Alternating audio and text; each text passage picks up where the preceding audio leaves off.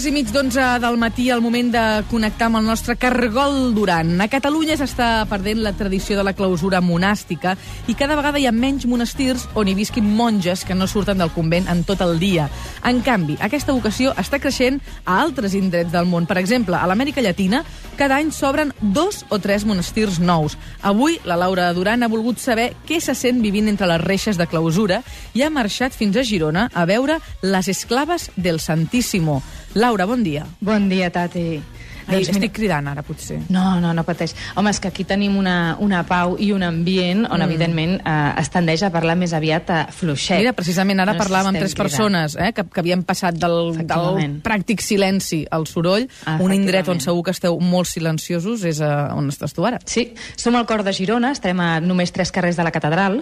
Aquí viuen 16 monges de 5 nacionalitats diferents que tenen entre 22 i 90 anys i viuen en clausura. Això vol dir que no surten mai d'aquí dins si no és per una causa major. Per exemple, si han d'anar al metge o, com que moltes d'elles són de fora, doncs per qüestions burocràtiques, per documentació. Tot el contacte que tenen amb l'exterior és a través d'una reixa, que és on jo sóc ara mateix. Davant meu tinc la Maria Elena Camargo, que és la mare superiora, però la tinc davant d'una reixa. De fet, són dues reixes, que és el que ens separa. Des d'aquí és des d'on els fidels poden demanar les seves oracions. La reixa, de fet, només s'aixeca o per la família o pel bisbe. I la tenen com a símbol de distància, d'estar apartades del món, però en aquest sentit per estar més concentrades i per estar més en contacte amb Déu. Per tant, jo no he pogut accedir a dins de les cel·les, uh -huh. ni tampoc a les zones del menjar, um, però sí he pogut estar en aquest espai on es pot rebre a la gent. T'he de dir que estan tot el dia en silenci només hi ha una petita estona al dia en què es poden comunicar entre elles. Parlen després de dinar o després de sopar. Els àpats també els fan en silenci i resen tati les 24 hores del dia. I com? Doncs fan torns per poder atendre totes les peticions de pregària que tenen, que són moltíssimes. O sigui, que per entendre'ns es lleven a mitja matinada per resar.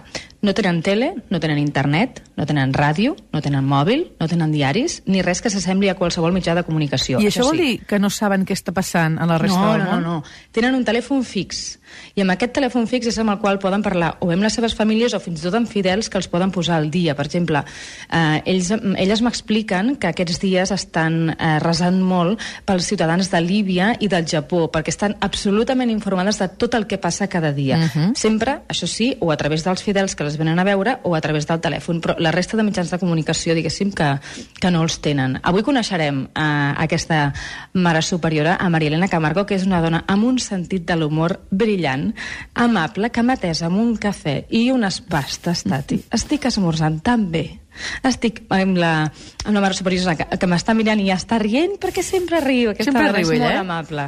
I coneixerem eh, les virtuts que té el fet de viure en clausura i també li preguntarem si hi ha algun inconvenient, que ella em diu que quan va començar al principi li feia un molta por, la, li, li feia angoixa la sensació que no podria sortir d'aquí i ara que fa 16 anys que coneix aquesta manera de viure m'explica que no la canviaria per res i que està molt contenta d'haver pres aquest pas. Home, de fet, a mi ara em venen 58.000 preguntes que voldré fer-li, eh, d'aviso. Jo t'he dit que ja n'he fet 57.000, eh? Ja n'hi he fet 57.000. D'acord. Després eh, l'acabem de conèixer en persona i t'ho expliquem. Vinga, i uh, trobo que et senta molt bé, això, eh? Eh que sí? Sí, estàs com amb calma que, i tranquil·la. És que jo que sempre vaig tan accelerada, saps? Mm, mm. He arribat aquí... Pensa tu això, Laura. Pensa tu. Estic... Va, començo a pensar-m'ho ara. D'acord. Vinga, fins Parlem ara. Parlem d'aquí una adéu, estona. Adéu-siau. Josep Lluís Blázquez i Laura Duran. Bon dia una altra vegada. Tati, bon dia. Bon dia. Doncs mira, sóc amb Marilena Camargo, com expliques, és la mare superiora, és una dona amb un sentit de l'humor i una vitalitat increïble, és una dona feliç, somriu, fa broma. És mexicana, però va començar en el món de la clausura passant per Perú. Allí es va traslladar, fa 16 anys que viu en clausura, diu que no troba a faltar la seva família perquè Déu és la seva família. En el seu cas, ella, com que és estrangera, sí que ha de sortir sovint a renovar documentació, per tant, en ocasions surt d'aquí dins d'aquest convent i curiosament va vestida de blanc, tapada al 100%. L'hàbit és una túnica que li cobreix el cos i la toca li cobreix el cap, els cabells i les orelles. Per tant, jo només li veig eh, els ulls, les ulleres, el nas i la boca. El blanc significa la puresa màxima i M'explica que quan surten, en canvi, van de negre, perquè és un color més discret. Bé, és el moment de saludar-la. Jo de ti t'explico que tinc eh, efectivament aquesta reixa aquí davant, per tant, jo li vaig passant el micro. Si veieu en el suplement, a la pàgina del Facebook, veureu la fotografia que queda molt clar aquesta separació que hi ha entre ella i jo, que és la separació que hi ha habitualment amb els fidels, i jo crec que el primer que li hem de preguntar... Eh, Primer, molt bon dia. Ella entén una mica el català, potser alguna vegada l'hauré de repetir la pregunta en castellà. Um, primer, que m'agradaria que m'expliqués és aquesta vida de clausura que vostès fan 24 hores al dia, que ens expliquin com la fan. Buenos días. Eh, a Tatiana. Hola, buenos días. Y a todos por ahí. Eh, bueno, pues nosotros las 24 horas, como dice Laura, estamos en, en oración continua. Eh, nos turnamos para estar en, ante el Santísimo Sacramento y luego también tenemos en la capilla pues eh, lo que es la oración comunitaria tenemos varias mm, partes, por ejemplo, ahora no sé si se alcanza a escuchar la campana. Sí. Están llamando ahora para lo que llamamos el oficio de lecturas y sexta. Y a continuación tenemos la Santa Misa. Y todo esto pues siempre va impregnado pensando en las personas eh, que recurren a nosotros o que no recurren a nosotros porque también sabemos que hay personas que nos desconocen y que por lo tanto tenemos eh, el recuerdo de estas personas las 24 horas. Uh -huh. Expliqui'ns una, mica, expliqui'ns una mica com va això dels, dels torns, no? Això que, que justament um, vostè cada setmana els hi diu a cada una de les mares eh, quin és l'horari que han de fer, s'han de llevar mitja matinada, com funciona això? Pues ahora, ahora sí que me cogieron. Si me hablan en español... Sí, o sea, eh, usted me contaba antes que como son turnos de 24 horas, eh, cada semana usted les dice a cada una de las madres que, cuál es el horario que van a hacer y que se van a tener que levantar a media madrugada, ¿no? Sí, eh, nos, eh, tengo que organizar el horario nocturno y el diurno. Entonces, cada hermana ya tiene asignada una hora eh, para la mañana y una para la noche. Cuéntame por qué usted y yo estamos hablando con, con dos rejas que, que, nos cuesta tantísimo uh, en este sentido comunicarnos?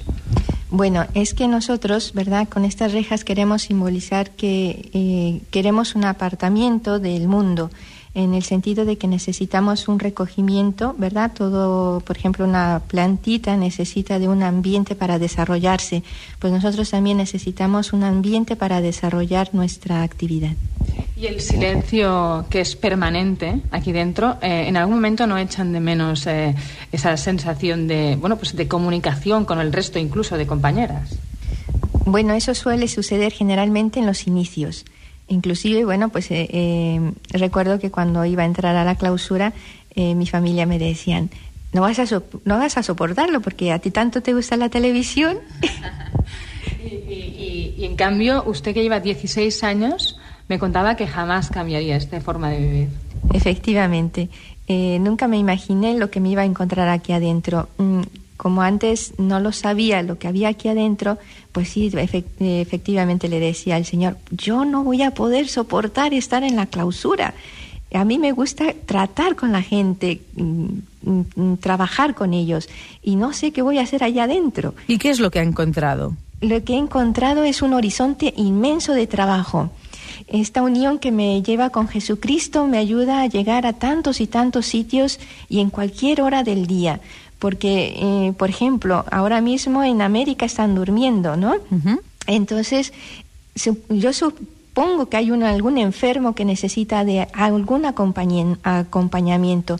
Entonces, yo le acompaño desde este sitio con mi oración con mi verdad, con mi presencia ante el Señor, diciendo, ten misericordia de él, acompáñalo, Señor, dale la fuerza que necesita para su enfermedad. Vostè sap que des de fora, si, si no m'entén m'ho diu, eh? A veure, com? Des, des de fora, des de fora del sí. monestir de clausura, tot sovint eh, es pensa que és exagerat haver de passar una vida entre reixes per dedicar-se en cos i ànima als altres. Sí, eh, me, pregunta que traducimos. Si es, eh, si es exagerado, hay gente que piensa que puede ser exagerado el hecho de estar en, clausura. Sí, es que mucha gente que no comprende este estilo de vida y claro, como como te digo que me pasaba a mí, que yo decía, bueno, ¿y ahí adentro qué voy a hacer yo? Entonces, eh, la cuestión es conocer que verdaderamente desde este sitio puedes tener un acceso a otros sitios que, que otros no pueden.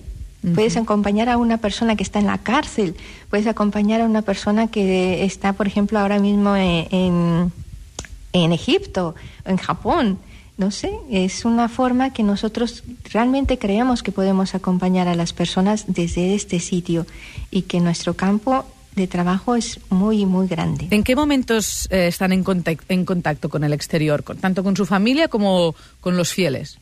Bueno, con nuestra familia eh, lo tenemos generalmente a través de cartas o por teléfono o nos vienen a visitar algunas veces.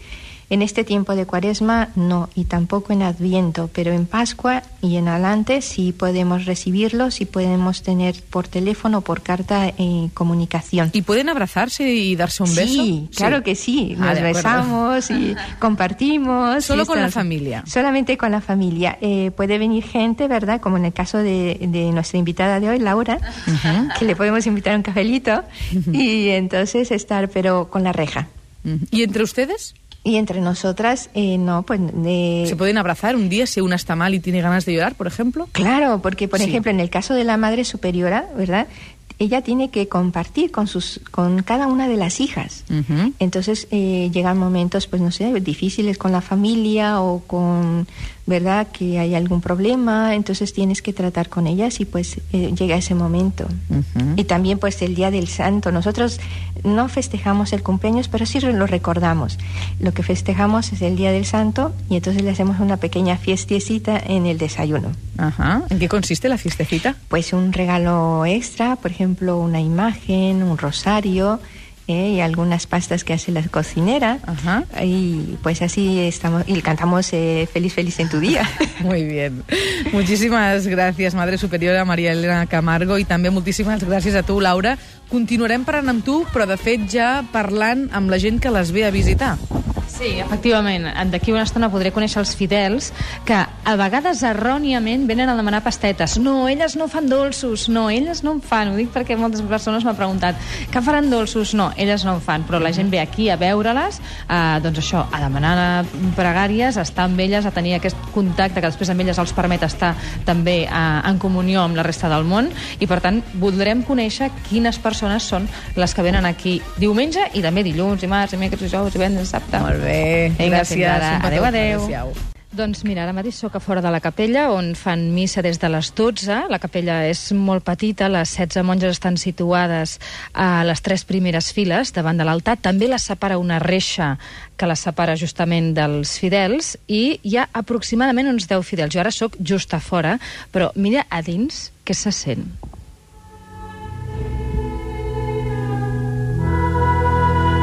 Aquestes veus, que són les seves, m'expliquen molts fidels que és un dels principals motius pels que venen, perquè diuen que canten molt bé, que són capaces de generar una intimitat eh, en una església que a altres llocs no es pot escoltar, i sobretot m'expliquen els fidels que venen per la transmissió de pau que generen aquestes 16 dones.